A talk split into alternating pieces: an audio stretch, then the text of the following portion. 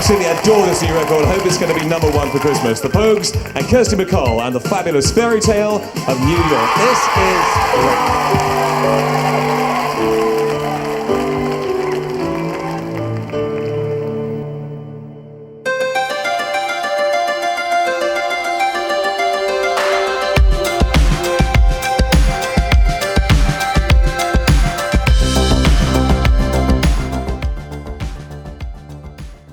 Denne uges udsendelse anbefaler vi klassisk 80'er pop fra Hall Oates og ny musik fra den amerikanske singer-songwriter Mitski.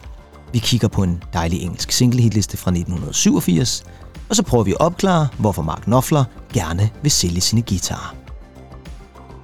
Tilbage i 1987 i december var der som altid kamp om den eftertragtede julenummer 1 på den engelske singlehitliste. Den irske sanger Shane McGovern var sammen med sit band The Pokes og Kirsty McCall tæt på at løbe med sejren, men blev til allersidst slået på målstregen. Men efter at Shane McGovern desværre døde i sidste uge, så vil det måske endelig lykkedes Fairy Tale of New York at blive dette års velfortjente julenummer 1. Og det er enormt lang tid siden, at jeg får lov til at ytre ordene I lytter til noget ved musikken, en podcast med kærlighed til musik. Og øh, i dag et fuldstændig almindeligt afsnit, fordi vi er nemlig nået til afsnit 51. Ja. Og jeg ved ikke, kan du huske, hvornår vi lavede afsnit 50 egentlig? Det er snart 100 år Ja, siden. det er det, fordi det er helt tilbage i slutningen af oktober. så det er halvanden måned, der nærmest er gået, hvor vi har lavet alt muligt andet. vanvittigt. Til gengæld har vi jo lavet en masse gode specials. Det har vi. Beatles og Taylor Swift og Now og Absolute AIDS. Music og AIDS, jeg ved ikke hvad, så det har været meget vidt omkring, men nu er vi tilbage på, øh, kan man sige, sikker grund igen. Men det er vi da egentlig. Det er vi, ja. Øh... Og jeg vil lige starte med at sige, at hvis der er nogen af jer, der synes, der er et eller andet, der larmer lidt i baggrunden, så er det fordi, vi har sat os ned i et andet lokal. Det er ikke Sundhedscenteret, vi sidder i i dag. Til gengæld er der så en radiator, og det er måske meget godt, fordi så er der lidt varme herinde, men den larmer Og du er ikke VVS-kyndig. jeg er bestemt ikke VVS-kyndig, men jeg tror faktisk heller ikke, vi kan øh, gå ned og skrue ved. Det er jo sådan en automatiseret en. Det er sikkert en eller anden op i kommunen, der sidder og styrer den. det tænker jeg faktisk, det er. Sidder op på kontoret. Sidder sådan Men ved du hvad? nej. Noget vi ikke kan styre, det er jo din øh, flotte barbering. Jo, tak. Og den er, den er glimrende. Jamen, jeg har ikke rigtig gjort noget ekstra ud af den, vil jeg Det synes sige. jeg. Nå. Jeg synes, du ser dejlig ud. Ja, men det kan da også godt være. Men det er jo, jeg er jo lige kommet hjem fra London, så det Ja, kan jo det være, det er bare sådan en London-barbering måske. Fik du barberet dig godt over? Nej, jeg blev ikke barberet i London. Eller jo, det jeg barberede mig selv i London, men, øh, men det var Du også fik en, barberet noget af pengepunkten. Ja, det gjorde jeg, fordi ja. man bruger altid ekstra mange penge, og det er jo jul og sådan nogle ting, og så Ja, ja, ja, ja. nærmer sig i hvert fald. Oh, ja, jeg Men det egentlig, øh, siden Ja. sidst, øh, så øh, hvordan har du haft det? Jeg har haft det dejligt. Ja, du blev jo øh, akut forkølet i vores sidste udsendelse. Nærmest langsomt igen. igennem udsendelsen blev du mere og mere forkølet. Ja. ja er du kommet der lidt til ægterne igen? Jeg, jeg, jeg synes sgu, at, at forkølelsen den er, den har sat sit øh, store spor, som man også kan, Ja, man må godt fornemme det lidt. kan høre her. Ja. Jeg er sådan lidt... Øh, ja, måske. Jeg kunne godt genindspille øh, Andys version af Coldplay's Parachutes, måske. Jamen, jeg, jeg sad lige og tænkte på Ja. det, eller, eller måske sådan en X and Y eller et eller andet. Ja. Altså, det, det, vi skal i hvert fald have fat i en Coldplay cover det eller sagtens. sådan Det noget. er man, sådan et øh, nasal Martin her. en nasal Martin, ja. Men egentlig, vi er jo som sagt på... Ja, øh, på sikker grund. På sikker grund, neutral grund, var jeg lige ved at sige. Men mm. øh, det er jo, fordi vi skal have fat i øh, alle de klassiske genganger fra vores øh, almindelige afsnit. Ja. Fordi det er jo øh, faktisk det sidste almindelige afsnit, vi laver i år. Fordi vi nærmer os jo faktisk afslutningen på 2023. Ja. Det betyder, at vi skal have fat i nogle anbefalinger. Dem tager vi fat i lige om lidt. Så skal vi have fat i nogle nyheder. Jeg kan faktisk også love, at der kommer en nyhed i anbefalingerne som øh, du godt kan glæde dig til egentlig, for jeg er faktisk ikke sikker på, at du kender lige til den nyhed.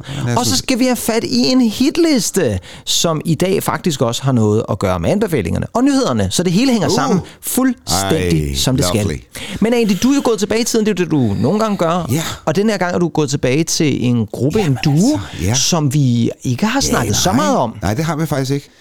Og der må jeg lægge kortene på bordet, og, ja. og lytterne må straffe mig osv., men Det tror jeg ikke, de gør. nej, men, men jeg vil også være ærlig. Ja, Det ærlighed betaler sig. det, det gør det, især i julen. Og, og, ja, altså julen er ærligheden, så er hjerternes fest. Det er det jo.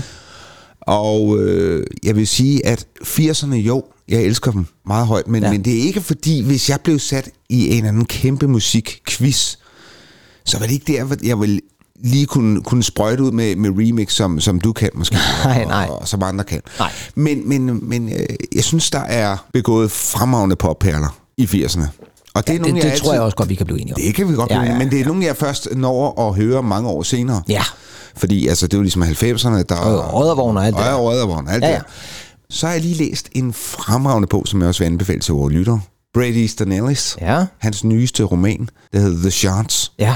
Der får man altså oplistet en masse musiknumre, der bliver øh, skrevet i det her årstal, som den nu øh, drejer sig om, den her bog. Ja. Og det er 1981. Og det er 1981. Og det er jo et dejligt årstal egentlig, Det er fordi årstal. øh, vi jo selv er født i året. Ja, men øh, hvis man læser bogen, den er, den er barsk. Ja, var der en af os, der vi lavede jo på et tidspunkt de der fødselsdagsafsnit, hvor vi faktisk spillede hitlisten Ja. ja. fra det tidspunkt, hvor vi faktisk var blevet Ja. født på. Ja. Var Hall Oates med på en Ja, af vores mener der? det er- Kunne godt have været måske. Ja, men nej. Nej, det har den også ikke. Den her er vist udgivet i januar. Ja, så er det i hvert fald... 81. Nej, så kan man se. Så, så er den i hvert fald... Så, så, så, ja. så, så skulle der... En tidsmaskine og- ske og mirakler, Doc. Brown og Og til. Finder Henning kunne i hvert fald ikke lave mirakler. Det er en ting, de kan.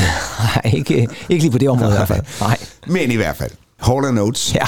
for deres plade Private Eyes, Ja. har jeg simpelthen valgt nummeret Private Eyes. Ja, titelnummeret. Ja, og, og, og, og jeg ved sgu ikke, altså, det var jo lidt som jeg lige nævnte, den her bog, fremragende bog, Mhm. mm. som man bør læse, hvis man godt kan lide 80'erne og, og ungdommen, og Brady Easton Ellis' ja. skrivestil. Der bliver der altså nævnt Hall Notes i, og en masse tracks. Men det er sjovt, hvordan han egentlig også altid, Brady Easton Ellis, har haft det med musik, fordi han gør det jo også i American Psycho, Ja. hvor han jo nærmest har hele kapitler, der handler om øh, alt lige fra Phil Collins til Huey Lewis og Whitney Houston. Jeg tænker der også, at Hugh Lewis må få en opblomstring efter den film. Om det gjorde han også. Altså, Selvom Hip to be Square har en Jo, lidt men anden... altså, øh, den udkom selvfølgelig, øh, øh, romanen mener jeg, i 90. kommer i 90, tror jeg. Ja, det mener og også, ja. filmen i 98. Ja, sådan noget lignende, ja. 2000, Eller ja. 99 eller Ja, 2000 og sådan noget. Ja. Ja. Men, altså, jeg, jeg lytter til det her nummer, og så tænker jeg, det er løgn. Ja. det er simpelthen løgn. Man kan da ikke have produceret et nummer så flot. Nej. Men det kan de her to altså. Ja. Og de kan jo skrive øh, fantastisk om det. Jeg ved godt, jeg har hørt øh, Hall Notes før, men jeg har sgu egentlig ikke hørt den her plade, så den har dyrket ret meget her Ja. på det seneste. Ja. Melodisk mesterværk, synes jeg. Fantastisk. Jamen, så lad os da lytte til noget Hall Notes. Og her altså på titelnummeret for Private Eyes. Private Eyes. I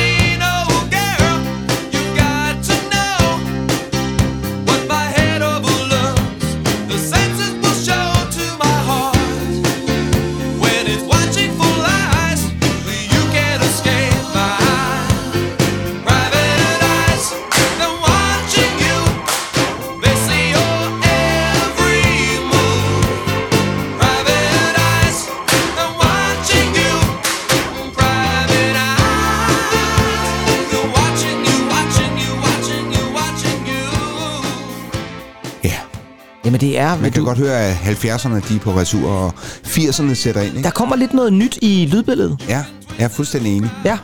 Men fordi det er jo en gruppe, det er jo en duo, som jo et eller andet sted også... Ja, de havde vel også succes i 70'erne, men er det, er det havde de 80'erne, de, også. 80'erne, der rammer dem lidt med... I 70'erne, 80'erne jo. Især 80'erne jo. Ja, helt klart. Så kommer de også med Mani der på et Jo, tidspunkt. jo, er du sindssyg, mand, ja. Så ejer de hele verden. Fuldstændig. Ja. De kan købe hele verden, som uh, Thor Pedersen ville have sagt. Ja, ja måske. Ja, der er faktisk kommet, der, der er lige kommet et nyt remix af Thor Pedersen faktisk, af Maneater, som er faktisk er super fedt også, ja. Det kan vi godt anbefale. købe øh, hele verden. Ja, ja. Nå, men det er, ja, men det det er også. fantastisk god melodisk popmusik, det er egentlig. Og man kan også sige, at de ikke også... Jeg synes, fordi der er jo en lille bitte smule, har altid synes sådan lidt, lidt, lidt R&B på en måde, lidt soul. Der er lidt soul, Som- der er lidt... Jamen, der, der er mange forskellige ting. Men det er der lidt. Jeg hører Michael McDonald kunne da godt være sådan lidt derhen også, ikke? Ja, jeg vil også høre, jeg hører også noget Elton John på en eller anden Ja, måde. på en måde måske, ja. Øh, i, I nogle ting. Ja. Ja. Sådan en afslutning på verser. Ja, ja, ja. Men altså bare, jeg synes, det her, det er en, øh, en meget ærlig popsang. Ja. Jeg, jeg, som bare øh, går lige ind under huden på mig. Jamen, jeg er fuldstændig enig. Og man kan sige, de så her, her Daryl Hall og John Oates, ja. Ja. de øh, fik jo altså også øh, kæmpe karriere. Men, Andy, nu kommer det så. Ja. Nyhederne. Fordi har du nemlig hørt, hvad der sker på Hall Oates-fronten i øjeblikket? Nå, de er garanteret blevet uvenner. Det er de nemlig, ja. Fordi det er gået fuldstændig galt for dem, og det er jo Ja. ellers på trods af, at de har haft et godt venskab i mange, mange, mange Ja, år. ja, Men business nu, partners, Business partners, lige Ja. præcis. Ikke? Men nu har Daryl Hall fået nok. Han har simpelthen hivet John Oates i retten, ja. og faktisk også lige oveni fået et polititilhold. Fordi, Det er jo vanvittigt. Ja, det er jo totalt grotesk. Men jeg har godt hørt noget med, øh, at de skulle ud og turnere, men det er hver for sig, at det var noget mystisk Ja, noget, og så er der endelig kommet øh, noget nyt. Ja, og hvad er det så, det drejer sig om? Ja. Ja. Jamen, det er en af de gode gamle klassikere, som vi også snakker om rigtig mange gange. Fordi John Oates har i de seneste år gået sådan og filosoferet lidt over, måske endda blevet inspireret lidt, fordi der er jo mange kunstnere, der sælger deres rettigheder Uh-oh. til musik og sange og alle de her ting og sager. Og nu vil John Oates altså gerne sælge sin halvdel af deres sangkatalog, altså publishing-rettighederne, til et uh, selskab, der hedder Primary Wave Music.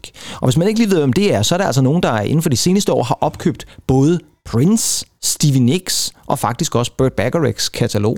Så det er altså store navne, og der vil John Oates altså tænke, hmm, nu øh, har jeg brug for lidt på kistebund, måske kan det godt være, at jeg lige skal have lidt ekstra til de retirement years eller et eller andet. Og så vil han altså gerne sælge ud, men det er Daryl Hall blevet meget, meget vred over, fordi ifølge ham, så har der altid været en aftale om, at Hall Oates, de er i samme båd, de går sammen, ja, og ja. man kan ikke bare sælge den ene halvdel og så videre der. Så det er noget med retssager og uha, uha, uha. Ja. Altså, hvad, hvad, hvad, hvad tænker du? Altså, kan det, det, godt. jamen, det, kan, det, kan det overhovedet lade sig gøre? lade sig gøre, ja. Det, det tænker jeg lidt, er det ikke mærkeligt? Du, du må få uh, teksten, men ikke melodien. Eller, Eller får du, får du halvdelen af teksten, ja, altså, så er man ja, nødt til at køre halve ja, coverversion og sådan noget. Ja, det, er jo- det er jo nærmest sådan, uh, you said the word private, and I said the word I, so you, okay, you can get Ja, private. eller- private.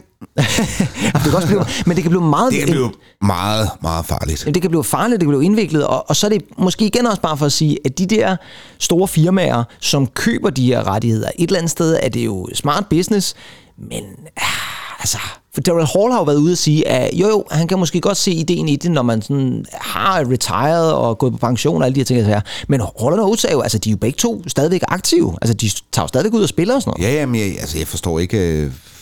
øh, Jeg, jeg vil mene, de har penge nok. Det vil jeg også tænke ja. et eller andet sted, men ja, ja, ja. Om, om ikke andet i hvert fald Bruce Springsteen og, og nogle af de andre har Jo, jo jo, også, jo, jo, og han har jo, sikkert jo. også penge nok, selvom han har Men solgt. det er vel det her med, at, at øh, når, når du så ser en eller anden reklame, mm. så kan du bruge den kvitter frit. Jo, jo, men det er jo sådan nogle ting et eller andet sted, og det kan jeg godt forstå, at man måske også som kunstner så tænker, ah, altså har jeg lyst til, at det her skal være med i en eller anden uh, reklame for uh, toiletpapir eller et eller andet, altså, Ja, fordi det er vel det, der man også giver afkald på, ikke? jo, jo, præcis, når, ikke? når, altså, ja. når man er løbet, når man er ud, løbet Man tør, er nødt til at få toiletpapir. out of touch der, ikke? Ja, okay. Ja. Ja, måske et eller andet sted. Ja.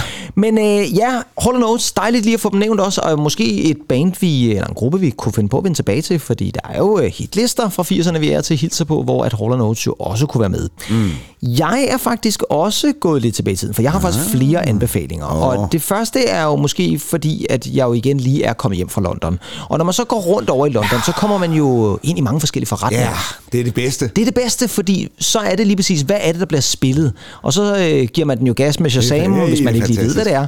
Men, øh, men det er også bare sådan dejligt at blive inspireret af noget ny musik. Ja. fordi jeg synes lidt i Danmark, der er det måske lidt det samme, der bliver spillet i mange forretninger. Ja, men Derovre, H&M synes jeg faktisk er en god. H&M er faktisk rigtig ja. gode, ja. Det er faktisk ja. også nogle af de bedste, ja. synes jeg. Men over i England, der er det jo noget nyt fra butik til butik. Hvor er det henne? Jamen, vi er oppe på Oxford Street et eller andet Yes. sted, og vi er inde i en forretning, som hedder Gap, som mm. jeg vist ikke kender så godt. Men der var, ja, det andet på et tidspunkt. Og så vil jeg gerne spille noget af det, der som faktisk kommer ud af højtaleren. Fordi det var et nummer, som øh, jeg med det samme tænkte, nå ja, det kan jeg godt huske, det, jeg kan godt huske, jeg har hørt det. Men hvad pokker er det nu lige, det er? Og det kan vi så tage fat i bagefter. Øh, nu skal man i hvert fald lige lukke øjnene, forestille sig mig på Oxford Street for et par dage siden, mens jeg går ind i Gap. It was one of those nights, one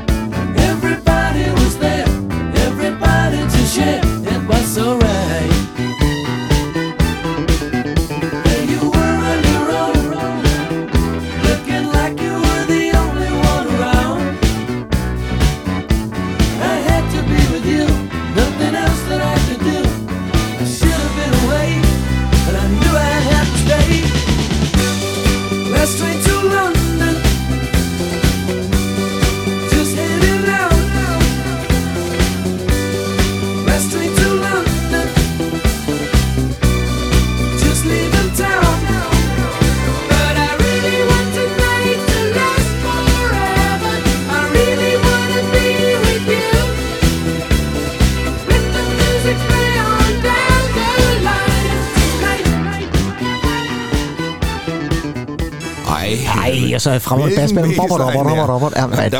Ja, det er fantastisk, det er jo. Super fedt. Kan du så høre, hvem det er? Jamen, jeg kan... Ja, ja, det kan jeg. Ja, kan jeg nu også det?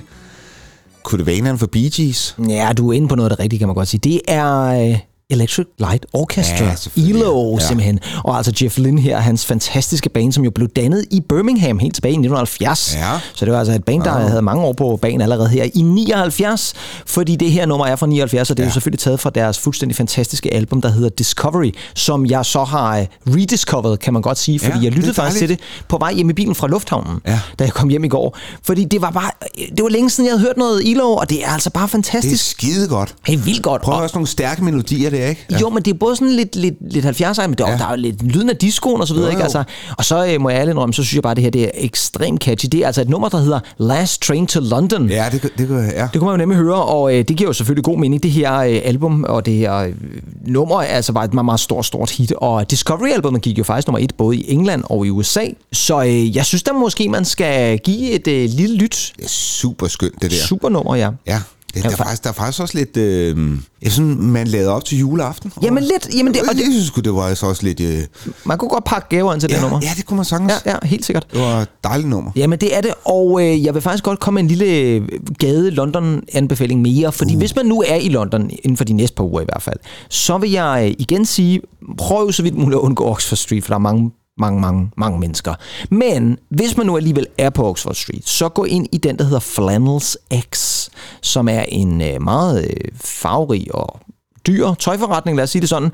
Fordi de har nemlig lige præcis her i sidste uge åbnet en Beyoncé pop-up butik.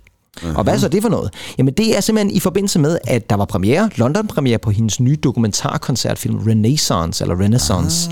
Den øh, havde premiere i torsdags, samme tidspunkt, som jeg landede i London, og øh, det var ikke øh, hvem som helst, der var med til den premiere, udover Beyoncé selv. Så var Taylor Swift faktisk også lige dukket op. Alright. Det er alligevel en ret vild øh, en at få ned af, af. Leicester Square der et eller andet sted. ikke? mand. Ja. Ja. ja, ja. Så det er muligvis det tætteste, jeg har været på Taylor Swift i mit liv, det er at have været i samme by på samme tidspunkt. Øh, Har du været tæt på andre celebrities? Ja, ja, ja, det har jeg. Men det kan vi være, at vi vender tilbage til det på et andet tidspunkt. Ja. Ja. Om ikke andet i hvert fald, så har de altså åbnet den her butik på Oxford Street, som altså hedder, øh, jeg, ved, jeg ved ikke engang, hvad den hedder, men øh, butikken hedder Flannels X, og så har den her pop-up, det har altså øh, Beyoncé-tema. Og der var øh, virkelig, virkelig øh, fantastisk at være inde, fordi man havde sat ligesom film eller traileren til filmen op, og så blev der knaldet det her album, som Beyoncé udgav sidste år, som hed Renaissance, eller Renaissance. Ja, jeg ved faktisk ikke, ja. hvordan du skal lægge trykket.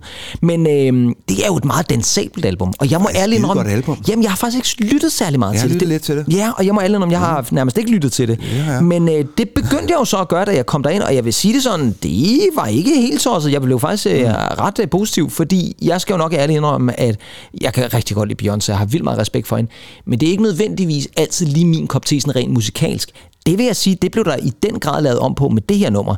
Fordi det her, det er jo altså øh, virkelig øh, full four on the floor dance. Ja. Og øh, nu snakkede vi jo diskomusik lige før via Jeff Lynne og ELO. Og det her, det bliver faktisk lidt i diskomusikken. Andy, spørgsmålet er, om du kan høre, hvad det er for et nummer, som Beyoncé måske er en lille bitte smule inspireret af. Mm. Det, jamen, det ved jeg også godt, det kan du selvfølgelig, selvfølgelig kan du godt det. Fordi her, der skal vi altså have afslutningsnummeret fra det her Renaissance-album, som udkom sidste år. Det er det nummer, som faktisk bare hedder Summer Renaissance.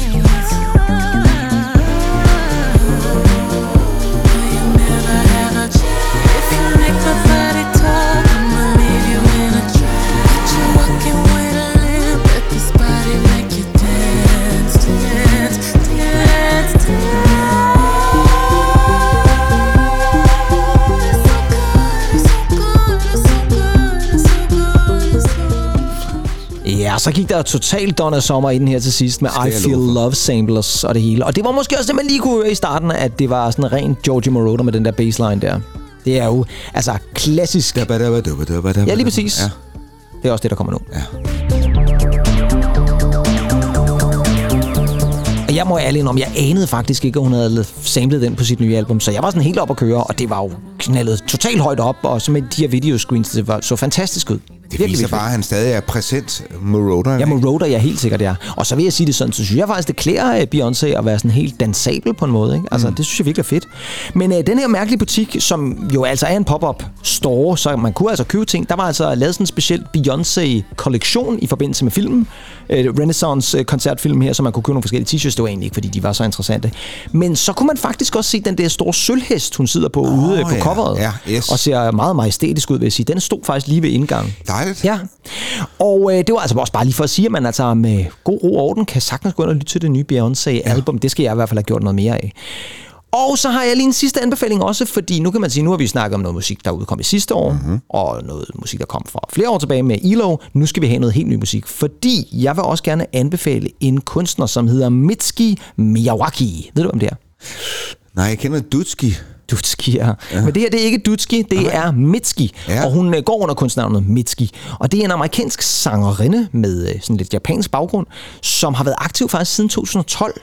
Og i 2022, der kaldte The Guardian, altså den engelske The Guardian, hende for den bedste unge sangskriver i USA. Og det er altså øh, ret flotte ord at få med af sådan et meget stort øh, tidsskrift eller avis, som, som The Guardian jo er. Hun fik sit helt store gennembrud i sidste år, fordi der var hun øh, medforfatter på en sang, der hedder This Is a Life, som er skrevet til den film, som hedder Everything, Everywhere, All at Once, Åh, ja. som jo faktisk gik op og vandt Oscar'en for bedste film. Lige præcis. Ja, som den første sådan sci-fi nærmest nogensinde. Så det var, har du set den? Nej, men jeg har hørt om den. Den er meget syret, ja, skulle jeg ja, ja, sige, men ja. også ret underholdende. Ja. En af de andre medforfatter på den sang, det var altså David Byrne fra Talking Heads. Uh, god mand. Og de blev faktisk begge to Oscar-nomineret for den her sang, for den var faktisk Oscar-nomineret, de vandt så ikke. Men øh, hendes syvende studiealbum udkom altså her i september i år, og øh, nu er det begyndt at gå stærkt for Mitski, fordi at via det famøse unge medie TikTok, så fik hun så lidt af et viralt hit med en af numrene for det her album. Og albumet hedder jo The Land is Inhospitable, and so are we. Det er så også en, det er sådan en, man ikke skal sige Det er efter altså, altså- for meget gløk i blodet, tror Ej, jeg. det, det tror jeg heller ikke. Så kommer man aldrig igennem den til, ja. Hold op. Men tredje singlen for det album, det er altså et nummer, som er blevet et stort hit på TikTok, og dermed blev det også et single hit, og øh, det kan jeg rigtig, rigtig godt lide. Og så skal mm-hmm. du lige om et øjeblik, Andy, fortælle mig l- måske, hvem du synes, det minder lidt om, for jeg synes, der er især én kunstner, jeg kommer til at tænke på, når jeg lytter til det her. Okay. Nummeret, det har sådan en lidt sjov titel, det hedder nemlig My Love, Mine, All Mine.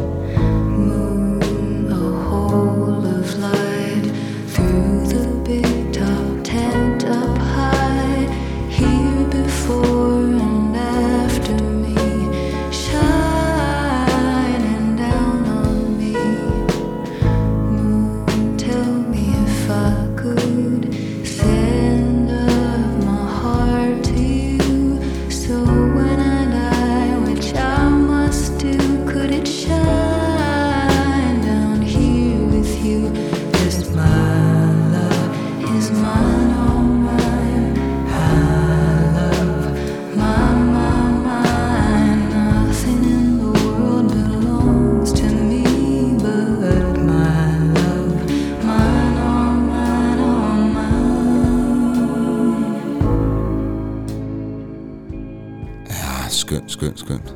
Det er lækkert, ikke? Sådan lidt i melodistrukturen øh, kom jeg lidt til at tænke på sådan noget Beach House. Ja, jeg tænker også Beach House, og så tænker jeg vokalmæssigt, der er vi over i Lana Del Rey, vil jeg sige. Ja. Meget derhen, Ja, ikke? ja. Jeg synes også, jeg kan Det fornemme er sådan også lidt, lidt, lidt, lidt Swift på en eller anden måde, uden at være det. rigtigt. Måske kunne godt være lidt, det, måske lidt det der amerikaner folklyd der, der Ja. måske kunne være ind over det. Jeg tænker faktisk også sådan lidt som The Weather Station, som jo anbefalede ja. også tilbage for et par år tilbage, kunne også godt være lidt ind over det. Men om ikke andet i hvert fald et øh, meget, meget stort hit for øh, Mitski blev det her faktisk, for den gik nummer 26 i USA og nummer 8 på den engelske single hitliste. Og det har nok især været på grund af de her øh, famøse TikTok-videoer. Men jeg synes bare, der er sådan noget øh, chillet og lækkert over det. Der var også lidt, lidt London julefilm over det. Ja, måske i virkeligheden. Men det er også derfor, jeg er jo inde i den stemning Ja, lige i øjeblikket, ja. ja. så det var det derfor, fordi jeg lyttede faktisk til den for, øh, ja, mens jeg var derovre, der var jeg også inde i en butik, hvor det her kom på. Og jeg kan godt huske, at jeg har stødt på Mitski før, men øh, jeg har måske bare aldrig rigtig sådan dvælet ved en, og man må sige, når hun har lavet syv albums allerede, så er det jo også øh, et ordentligt bagkatalog, man kan gå i gang med. Helt vildt. Yes.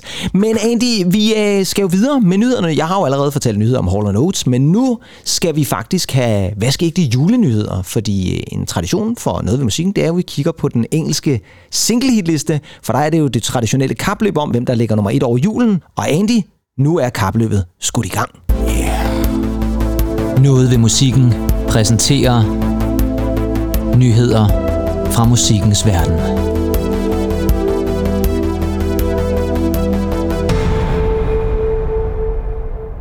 Yes, fordi det er jo sådan så, at den traditionelle julenummer 1 i England, det er jo en prestigefyldt pris at få.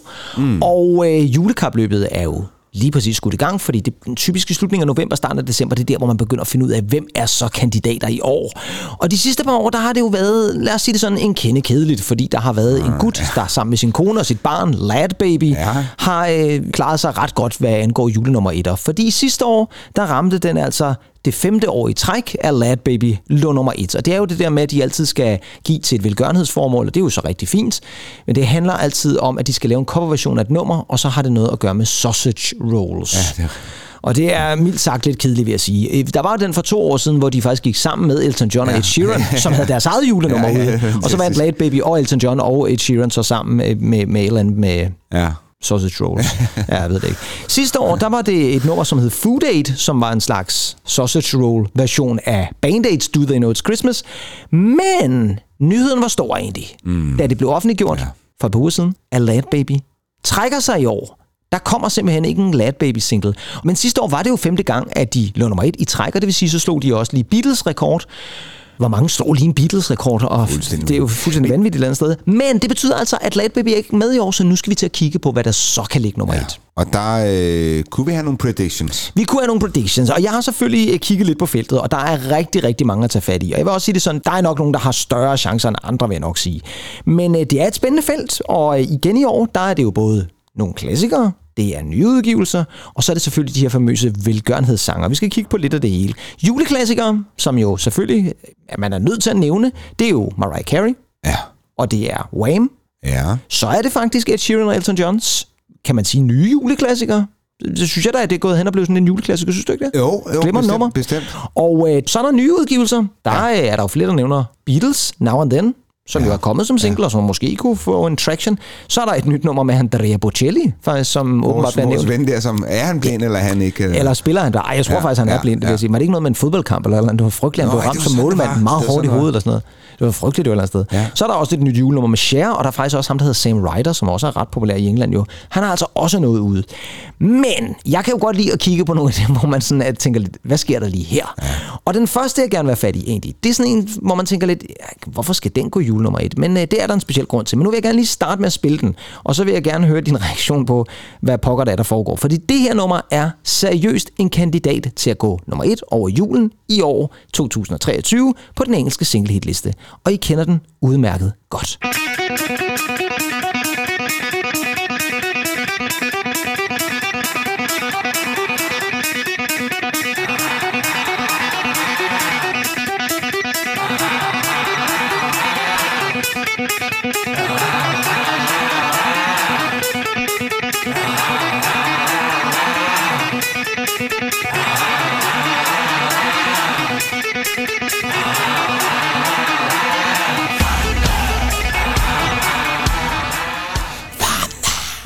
Fordi at øh, en af sangene, som man nævner med rigtig gode odds for at kunne tage årets julenummer et, det er faktisk ACDC's Thunderstruck. Ja.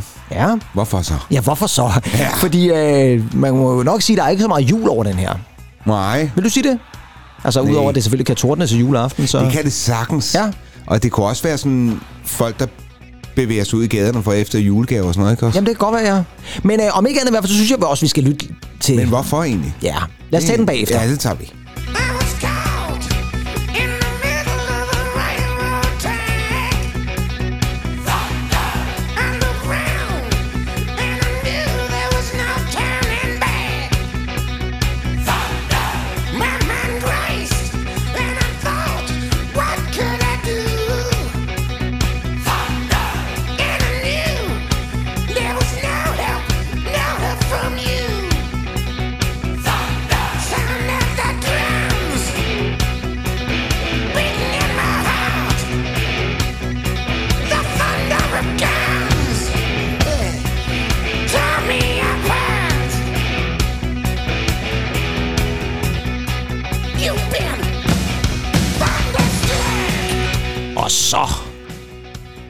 Det kom der knald på et eller andet sted.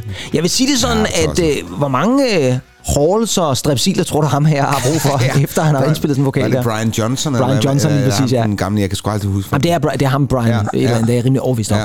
Om ikke andet i hvert fald, det her var altså ACDC og Thunderstruck. Et nummer, som oprindeligt udkom i synes, det er sådan 1990. nogle halls til. Så det er snart, ja, der skal nogle hårdt til, men øh, et nummer fra 90, som gik nummer 13 på den engelske single hitliste tilbage i 90. Ja. En pænt hit nogenlunde. Men det, der altså simpelthen er ved at ske nu, det er jo, at nu vil ACDC's fans hylde, at de faktisk har været i musikbranchen i ja, 50 år faktisk. Det er helt vildt. Det er fuldstændig sindssygt. Og øh, tilbage i 2013, der prøvede de faktisk noget af det samme. Det er så 10 år siden, hvor at Highway to Hell Ja. faktisk gik nummer 4 hen over julen i England. Så de har altså været der før. Men nu tænkte de, ah, nu skal vi altså prøve at se, om vi kan ramme den første plads. Og der har de altså valgt Thunderstruck. Tænker du, det er et godt valg af et ACDC-nummer så? Jo, jo, ja, det, det, det tænker jeg. Ja. Altså, jeg, øh, jeg, tror, jeg, jeg tror ikke på den. Nej, jeg vil også sige, jeg, jeg, jeg, jeg tror, den bliver svær. Ja. Det skal dog siges, det er jo lykkedes, fordi som vi også snakkede om i vores julespecial der for et par år tilbage, så lykkedes det jo faktisk Rage Against the Machine tilbage i 2009 at gå nummer et hen over julen med Killing in the Name. Og det var jo fordi, at det var sådan igen via internettet, at man gik ud og sagde, nu må det være slut med X-Factor nummer et, for det var der, Ja. hvor Simon. Cowell han havde Ja. ligget nummer et i 100 år Ja, det var nærmest. skide det var irriterende. rædselsfuldt Ja. og kedeligt og alle de der ting. Ja. Og skide smart selvfølgelig for pladselskabet. Ja, ja. Man udgav den ugen inden, og så gik den nummer et. Ej. Men øh, den øh, ødelagde Rage Against the Machine altså i 2009, så det kan jo være, at ACDC har heldet med sig. Vi skal, vi skal også kigge på den næste, og den synes jeg er fremragende. Altså det er der, hvor jeg tænker, okay, nu bliver det underligt, men, men også på en eller anden måde lidt, lidt sjovt. Og det er fordi, at en anden stor kandidat, en der virkelig bliver, man tænker, det her, det kunne være en, en stor favorit, mm-hmm. det er den øh, fire år gamle handkat Nala, Uh-huh. Ja, Naila the Station Cat. Og det er simpelthen ah, en uh, fire år gammel handkat fra Stevenage i, uh, i England, Ja. som efter sine uh, er blevet en TikTok-sensation, fordi den hænger ud på uh, togstationen i Stevenage. Nå, okay. Ja, den bor et eller andet sted i Stevenage, og så øh, når den lige så skal ud og have lidt sjov, så tager den ned på stationen okay. og sætter sig op ved, ved der, hvor man, hvor man, øh, jeg kan man sige, registrerer sit Oystercard, og Ja, ja. så ligger den så der, hvor aviserne ligger. Og, Så hygger den sig lidt der. så hygger den sig lidt på stationen, og det er folk jo så blevet begejstret over, Det er at de filmer på. TikTok og Ja, tager ja. billeder, og nogle gange tager den også med toget og sådan nogle Ja, ting. altså. borgmesteren ved alt om det. Borgmester, jamen prøv, folk er glade for Ja. ja. Nailed the Station Cat et eller andet sted. Og, og den har også så gjort, at igen, der er kloge mennesker i England, som tænker, den skal, sige, Den skal i studiet. den skal i studiet. Og øh, om det så er Naila The Station Cat, der selv har stået for vokalen her, det har jeg måske lidt tvivl om. Men om ikke andet, så er der i hvert fald kommet et nummer ud af det. Hvor godt det er, det øh, kan vi så diskutere. Men titlen, den er fuldstændig fantastisk. Fordi, hvad er det, en kat siger egentlig? Nej, okay, det er jo kun, hvis man bliver hivet i halen. Hvad siger en kat normalt, hvis du er et barn? Ja, lige præcis. Og derfor så hedder nummeret selvfølgelig Check Me Out. Meow, meow, meow, meow, meow, meow, meow, meow, meow, station. All around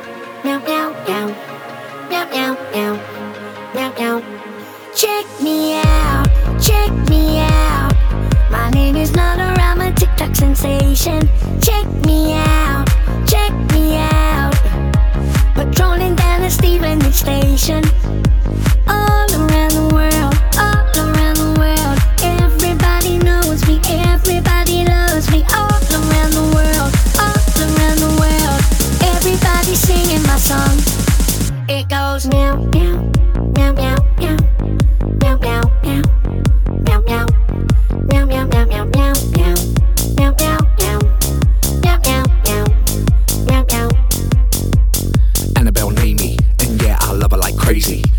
See me at station daily.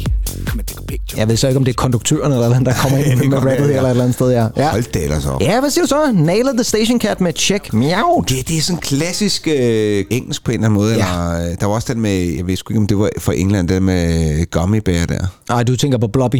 Nej, ja, ja, lige præcis. Ja, Blobby, Blobby, Blobby. Ja, det var et frygteligt nummer, ja. Som også gik hen Ja, nummer et hen over julen. Bear. Ja, nej, der var også den. Ja, Ja, okay. den, Nå, det var den, du tænker på, ja. For der var jo nemlig det år, hvor at Blobby gik nummer et øh, hen over julen. Det var 94 faktisk, tror jeg det var. Nej, det var 93, for det var Ja. der, den tog nummer eten fra Take That's Babe. Kan jeg huske, hvilket jo et eller andet sted var Fra, vanvittigt. fra Babe til Blobby. Fra Babe til Blobby, ja. Men øh, der er simpelthen lavet en musikvideo med Nala i aktion på Stevenage-stationen, som man kan gå ind og se på nettet. Og øh, så er det jo, og nu kommer det så, for det her er jo en velgørenhedssingle. Ja, okay. Så overskuddet går til organisationen for hjemløse, der hedder Feed Up Warm Up, så den har jo også et godt budskab Ja, ja, på en eller anden okay. måde, selvom det så er en Men kasse. ikke til hjemløse katte, altså. Ikke til hjem. Nej, jeg har ikke indtryk af, at det var hjemløs kat. Og jeg vil jo også sige, at Nala er jo ikke hjemløs. Den bor jo faktisk i Stiglitz. har det- den har har egen adresse og sikkert Ja. egen pool og alt muligt andet.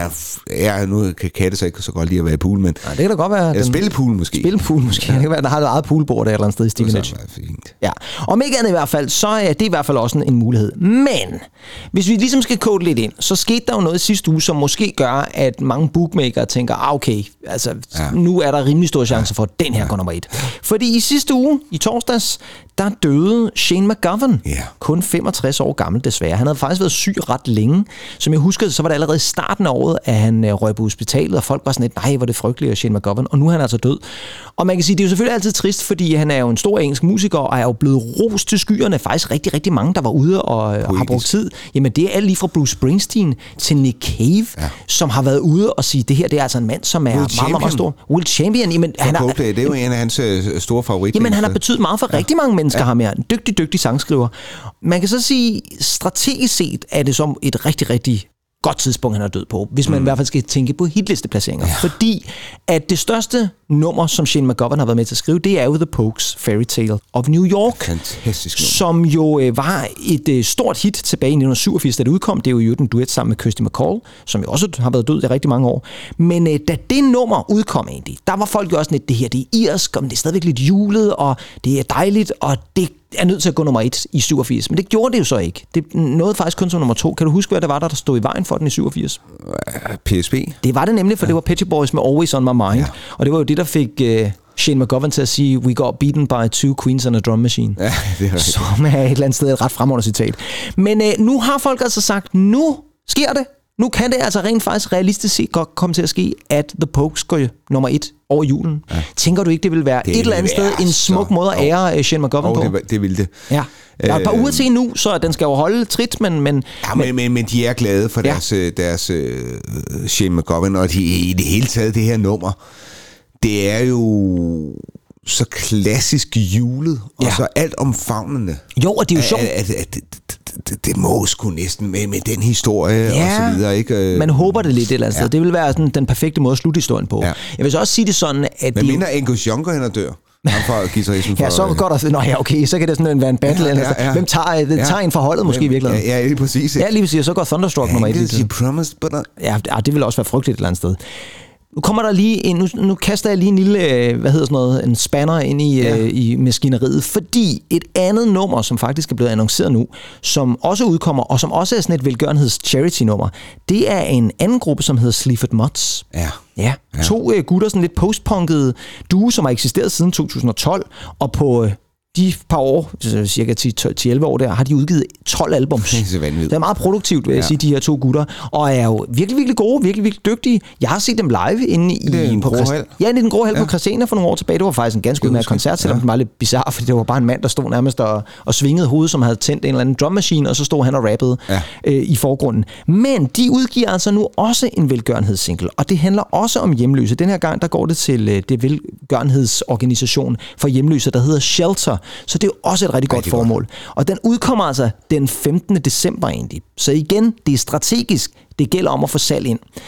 Der, hvor det så begynder at blive en lille bit smule bizart, det er, at det er, noget, det er noget, som på en eller anden måde næsten vil være frygteligt. Et eller andet sted har jeg lidt sådan, hvis de går nummer et, så er det på sin vis frygteligt. Og det er det især, når man kigger på historikken om The Pokes. Fordi det er jo øh, ikke et nummer, de selv har skrevet, Sleaford Mods. Det er et covernummer. Uh-huh. Og øh, nu spiller jeg det, og så øh, kan man nærmest ikke andet end tage sig til hovedet.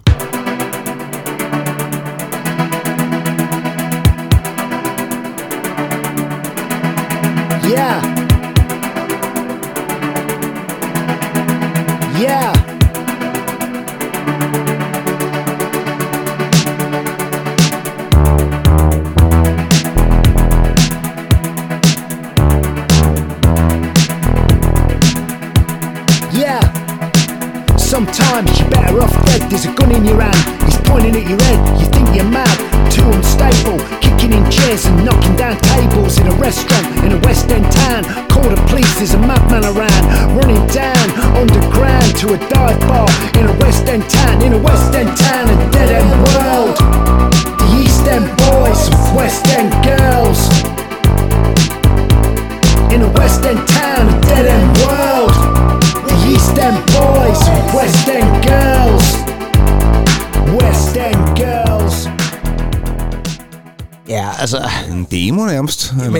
Før har jeg lidt sådan, altså skæbnens ironi.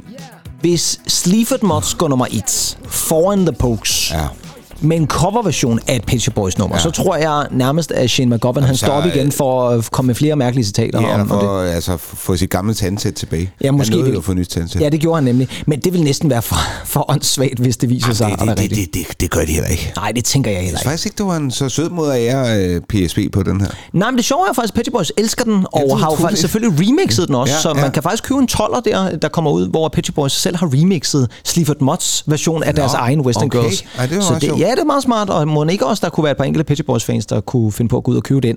Så der bliver kamp om det til det aller, aller sidste. Det skal jeg love for. Det gør der altså. Men hvem, øh, altså, hvem skal, vi, skal vi smide noget, noget i puljen? Ja, skal, vi, skal vi ikke lave lidt lille vedmål? Jeg tror, jeg, jeg sætter mine penge på The Pokes. Jeg tror, de... Ja, det vil jeg jo også gøre. Jamen, det kan vi jo godt gøre begge to. Ja, så gør vi det. Så, Ja. ja.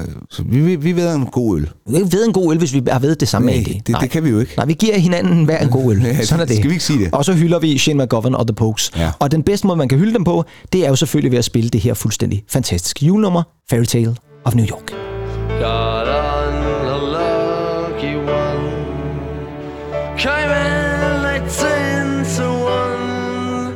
I've got a feeling this year's for me and you. So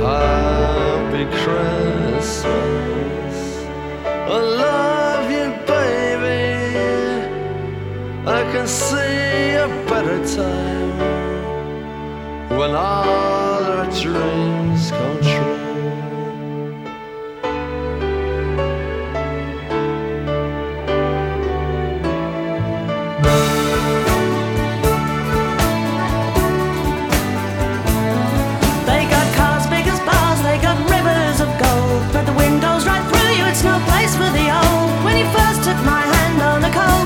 Eve, you promised me Broadway was waiting for me. You were handsome. You were pretty queen of New York City when, When the band finished playing. They held out for more. Sinatra was swinging, all the drunks they were singing. We kissed on the corner, then danced through the night. The boys of the NYPD choir were singing, Go away, babe. And the bells were ringing out for Christmas Day. Ej, jeg vil have den her. Den skal være nummer et. Det er simpelthen... Den skal være nummer Den et. skal simpelthen være nummer Prøv et, lige ja. også at høre, hvor irsk det er. Jeg tænker, vi, vi vil ikke, vi væder. Vi, Nej, vi tager måske en tur til Dublin eller sådan noget. Det kunne vi godt. kunne vi I godt hvert fald måske lige tage på London Pop og få en Guinness. Ej, det kunne vi selvfølgelig også godt London og Ja. Irland med. Ja, måske bare for at få det hele med, ja. Men altså, øh, som sagt, der er kapløb om pop det. selvfølgelig. En Irish pop måske, ja. Og jeg vil også sige det sådan, vi skal nok love at vende tilbage til at afsløre, hvem der så har vundet, men det bliver altså Ja. nok først i det nye år. Fordi vi skal lige have en sidste nyhed med også, fordi vi kunne godt blive ved med at køre med juleting og så videre, men vi bliver lidt i sådan noget charity og velgørenhedsting, fordi ja. der er en mand, der her til januar faktisk har tænkt sig at sælge lidt ud af sin guitarsamling. Uh-huh. Ja, og det er Mark Knopfler. Ja. Ja. Jeg ved ikke, om han også mangler penge på kistebunden, det kunne jeg ikke forestille mig, men han har faktisk tænkt sig at sælge mere end 120 guitar og guitar amps via Christie's i London. Ja. Så øh, hvis man er i London i januar måned, så kan man måske lægge vejen ind forbi det der fantastiske auktionshus Christie's, og så måske øh, lægge et bud. Ja, jeg vil sige, der, der er jo mange guitarister, der, der gør det. Nogle af de helt store, altså David Gilmores Ja, øh, guitar, den der sorte Fender, den er Ja. også øh, solgt og så videre. Også til mange, mange, mange. Ja. 100.000. Men Mark Knopflers øh, budskab er, at han vil gerne have sin guitar ud og leve videre. Ja. Og det synes jeg jo et eller andet Jamen, sted er smukt. Det, det- handler det- egentlig ikke om pengene. Nej. Det handler mere om det der med, ja. Ja. jamen det, en guitar har det godt, hvis den bliver spillet. Ja. Og, øh, han spil- kan han da godt tage mere end 100 kroner for det, ikke? og det tror jeg så også, ja. han gør, vil jeg sige. Jo, jo. Øh, det skal jo lige siges, at 25% af alt det her salg, det går til velgørenhed. Det er jo Ja. altid godt. Ja. Men øh, man kan altså få guitar til enhver pris, for du kan faktisk godt erhverve dig en rigtig Mark Knopfler guitar for 300 pund. Det er sådan Ja, små det- 3.000 kroner eller sådan noget. Men de går så også op til en halv million pund. Og Det er jo så lidt mere end et greb i lommen. Blandt andet så er en af de guitarer, der kommer til salg, det er en 1983 Les Paul, Ja. som blandt andet øh, var med til at spille det her.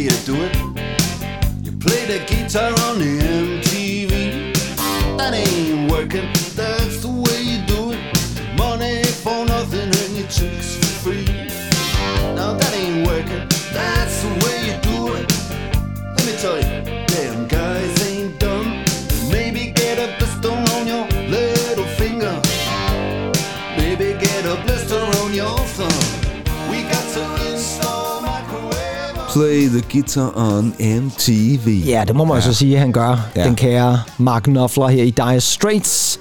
Fantastiske Money for Nothing. Det er et skide godt nummer. Øh, fantastisk nummer. Og den Les Paul, som altså er til salg, det er altså simpelthen den Les Paul, der spiller det der guitarstykke der i starten. Så øh, den kan man altså eje. Ja, det er, jo, det er jo, man kan jo sige meget med det her nummer, og det er det nok også gjort, men ja, jeg synes det er groet på mig i løbet af årene. Jamen, jeg har altid godt kunne ja. lide det her nummer, vil jeg sige. Ja, Ja, der er, Life. Det kan jeg altså også godt lide nu. Ja, men det, det, var den lidt er- fadbamset. Ja, den er måske lidt stadigvæk lidt fadbamset for mig. Men, Men, ja, men, det, det, men der er stadig et eller andet charmerende over det. Ja, det er der. Jeg vil så sige det sådan, at den oprindelige albumversion af Money for Nothing for Brothers in Arms, som ja. Ja. jo var 8 minutter, og sådan noget, med den der Ja. ja. lang, lang, lang, lang intro, som vi fik en lille bit smule af her, den er fuldstændig udmodståeligt god. Og jeg vil jo øvrigt også lige sige, at han spillede faktisk selv sammen med Les Paul til Live Aid også. Så det er altså en guitar, der har været rundt omkring og betydet rigtig meget. Jamen, det er det. Om det er verdens bedste guitar, det, det, det, det det skal jeg ikke gøre mig klog på. Men, men, men i hvert fald så er der jo tit det der med historien, ikke? Mm. Altså også nogle af de der fra 50'erne, 60'erne, skrev en anden, der sang, der blev et kæmpe hit. Måske ikke på verdens dyreste instrument. Nej, nej, nej. Men historien har gjort, at det så pludselig bliver flere mi- hundredtusinder eller millioner værd, ikke? Jamen forestil dig det, vi har jo nogle gange haft et juleband herude på skolen eller andet sted. Forestil dig, hvis du kunne hive Mark Knopflers Les Paul frem til at spille den til, til afslutningen ja. nede herren Ja. der, ikke? Så skal, lyden Ja, altså, tak. så skal lyden fandme fungere det år, vil jeg sige. Jeg vil nok også sige, at det juleband, det har, har lange udsigter. Ja, det, jeg tror, jeg, det, det er snart længe siden, vi har taget fat. Ja, det, det kunne godt være, det kunne godt være, at vi skulle... Øh, Skal vi prøve? Til næste år måske, så kører vi Les Paulen, og så, så gendanner vi det. Altså, skolen har jo masser af penge. ja, nej, det kunne selvfølgelig. Så, så er det faktisk en meget god mulighed. Men egentlig, nu skal vi have fat i en hitliste. Det skal vi. Og det er faktisk en ret interessant en af slagsen. Hitlister fra fortiden. Fordi jeg tænkte, vi skal jo selvfølgelig have en hitliste, som på en eller anden måde har noget at gøre med det, vi allerede har snakket om. Mm-hmm. Fordi i 1987, som vi snakker om lige før, der taber The Pogues altså julekapløbet til Shop Boys Always On My Mind. Men hvad sker der så på hitlisten lige før? Hvordan ser den hitliste ud? Lige inden af Pet Shop Boys og Pokes og Mellon, Kim og alle de der går i battle med hinanden. Og du kan også huske Rick Astley's When I Fall In Love. Ja, altså inden alle de sange begynder Mhm, ligesom at, øh, at duellere mod hinanden, hvordan ser hitlisten så ud? Ja, det har vi et svar på i dag, fordi dagens hitliste det er en UK single chart fra 5. december 1987. Og på 5. pladsen, der finder vi en vaskeægte high energy pop dance klassiker fra 1987, som jo er en coverversion. Den kommer fra en duo, som på det her tidspunkt er i gang med deres andet album, som udkommer lige efter den her single er udkommet. Den ene han hedder Jimmy Somerville, den anden han hedder Richard Coles, sammen hedder de The Communards, og det her det er det fantastiske Never Can Say Goodbye.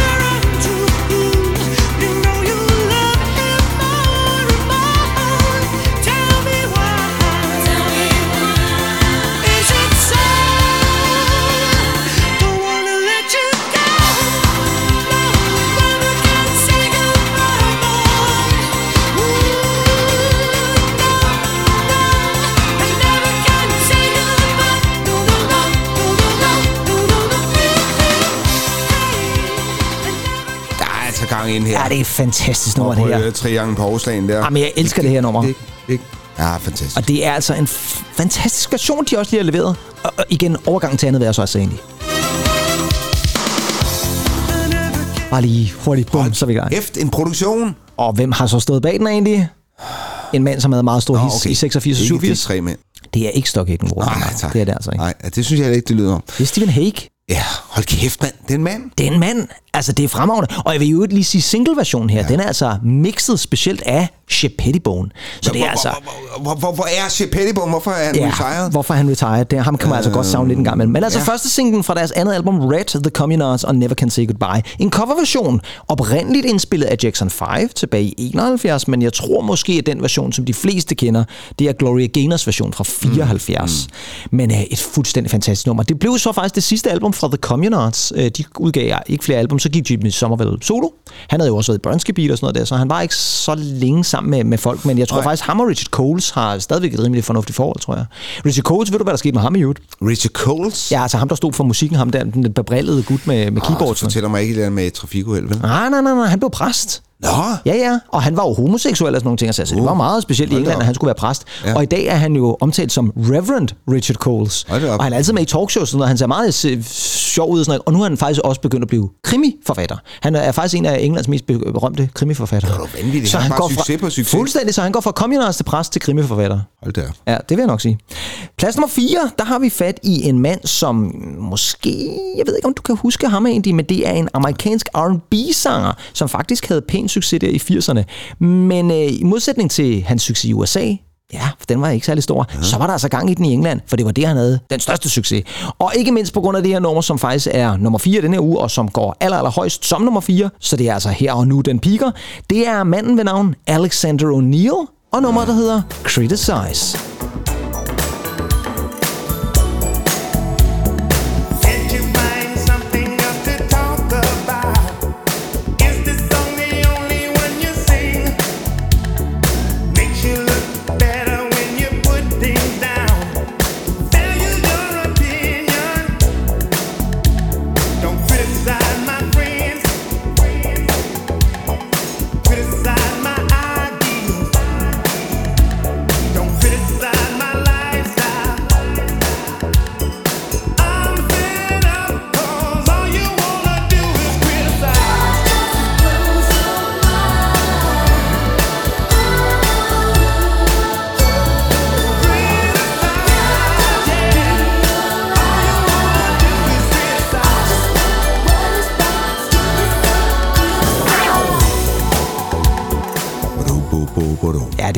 80'er-produktionen. Det er lige før, der var thriller over den baseline der. Ja, yeah.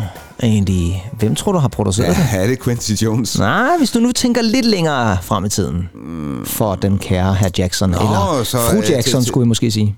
Terry Lewis og Jimmy Jam. Nå! Ja, ja, som jo var, ja, som var ind over Janet Jackson ja, ja, ja, jo tilbage ja, ja, øh, ja. i uh, midt-80'erne. Ja, ja. Mm. Nej, hvor sjovt. Ja, ja. ja det, det, altså, det kan man godt lidt høre men, på noget. Ja, det kan man godt. Ja. Øhm, jeg synes, det er virkelig det, det, det, det er rigtig hørt det sommer før. Jeg synes, Nej. navnet siger mig alligevel et eller andet. Jo. Alexander O'Neill. Alexander O'Neill, han var en kunstner, som jo altså ikke havde særlig meget succes i USA, men i England blev ja. det altså ret pænt. Og det her nummer, jeg vil sige det sådan, det er især omkvædet, jeg kan huske, Ja, fordi ja. der er det der... Na, na, na, Ja, det er vidunderlige korstemmer. Sindssygt fede korstemmer, Ja. ja. og det er faktisk leveret af en, der hedder Lisa Keith, som faktisk blev brugt rigtig meget af Jimmy Jam og Terry Lewis, så øh, måske er det også lidt derfor, for jeg synes virkelig, omkvædet det sidder i skabet.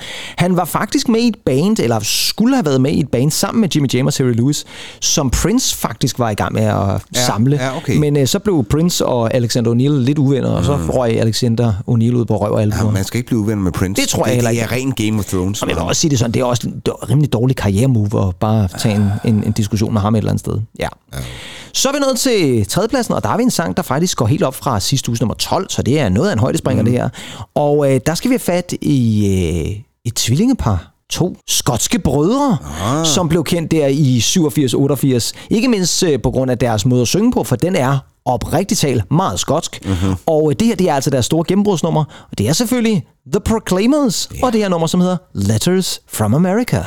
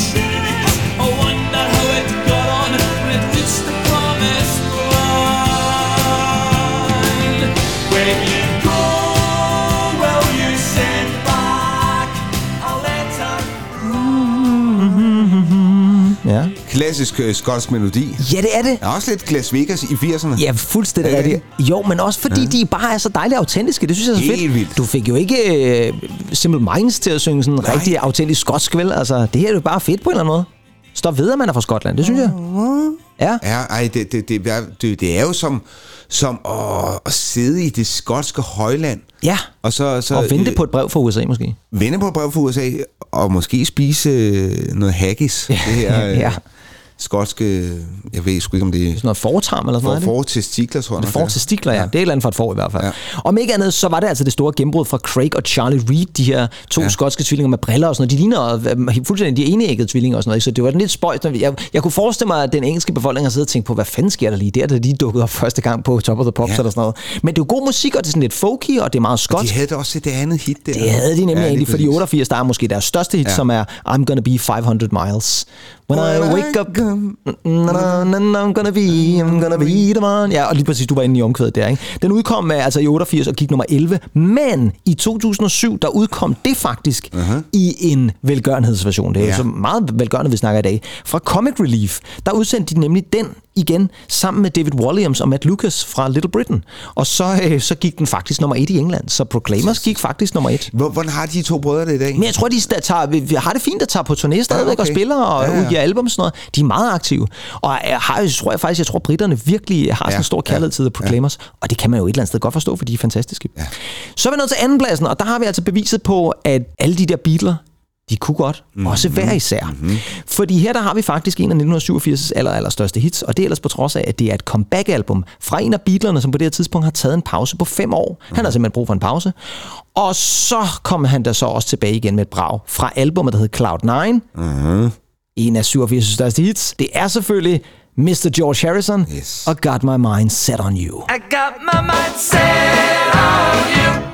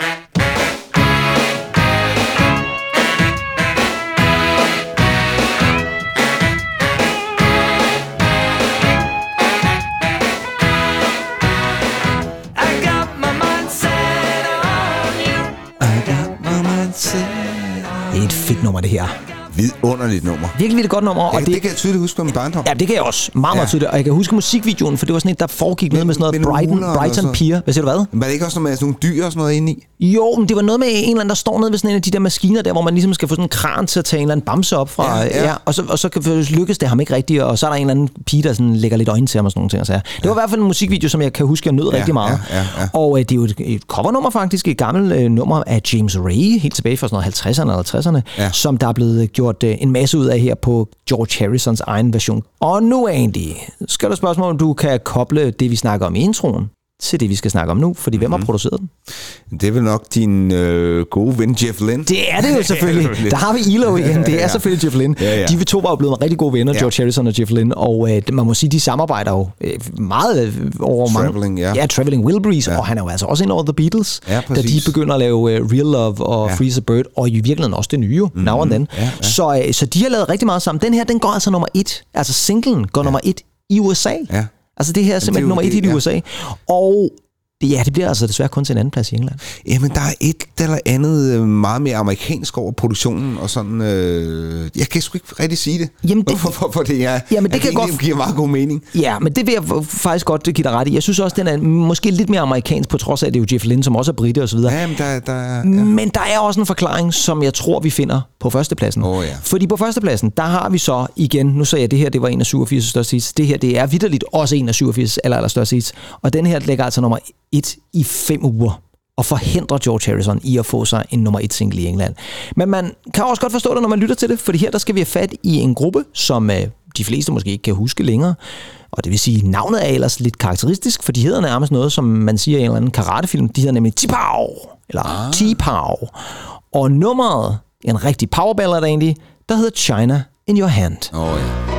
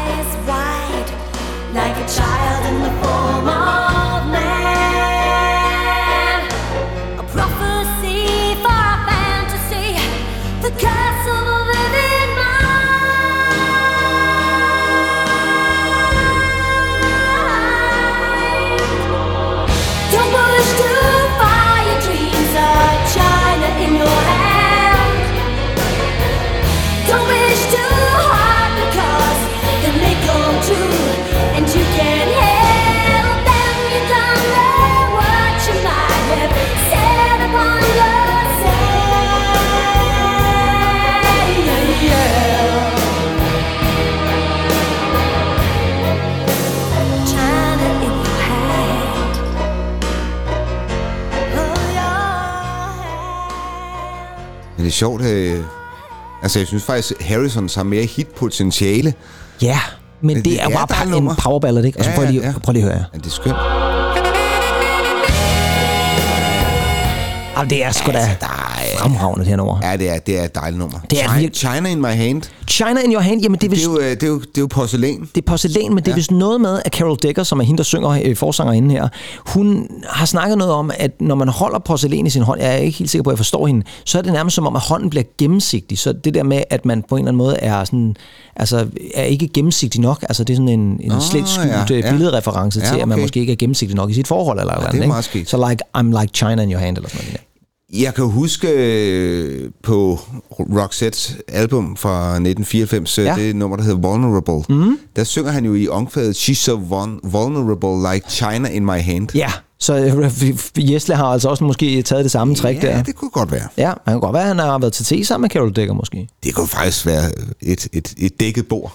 De, de har siddet det på Claridge's eller andet Ja. sted over i London og drukket afternoon tea eller sådan noget. Kunne på de et tidspunkt. sagtens. Ja. Men det er i hvert fald en Hun musikvideo. er stadig i limousine, måske. ja, måske i virkeligheden, ja. Men øh, det er jo faktisk et nummer, som jo også har en rigtig dejlig musikvideo. Det er sådan en meget klassisk 80'er, ikke med en masse porcelæn, der bliver smadret og så videre. Ja. Altså, det skal selvfølgelig være direkte. Et nummer, som altså lå nummer et i England på den engelske single-liste i fem uger i træk, og var den femte bedst sælgende single i England i 1987. Det var også nomineret til en Brit Award selvfølgelig for bedste mm. single. Tabte til Never Gonna Give You Up med Rick Astley. Mm. Den var nomineret til bedste album. Altså Bridge of Spice, deres debutalbum, var nomineret til bedste album, men tabte, Tabte. til Sting. Ja. Og så var de også nomineret til bedste nykommer. Og der tabte de til Wet Wet Wet. Altså, for... Så de havde faktisk tre øh, nomineringer det år og tabte alle sammen. Så ja. sådan er det. Men øh, i hvert fald en hitliste, som øh, på en eller anden måde jo så, kan man sige, leder ind til det, der så bliver julebattlen. Og det er jo sige, at øh, inden der går så lang tid, så kommer der både noget Rick Astley og noget Shop Boys. Og desværre altså ikke The Pokes, men Andy, Ja. skal vi ikke satse på, at den kommer i år? Jo, det, det tror jeg sgu, at vi skal have den Guinness hus. Vi skal have den Guinness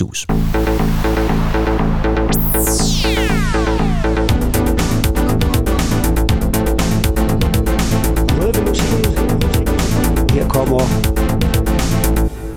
Yes, og så skal jeg også love for, at vi er kommet igennem med vores afsnit 51. Det skal jeg lige love for. Ja, masser af anbefalinger, masser af anekdoter fra London, og Ja, ja, ja, ja, ja. katte i Stevenage, og... Uh, kattevideoer har jo bare altid hittet. Jamen, det kan godt være, det er sådan noget, ja, der gør det et eller ser, du, ser du kattevideoer? Ah. Nej, det gør jeg ved det Gud gør i du himlen da ikke. Altså, du har regnet med det.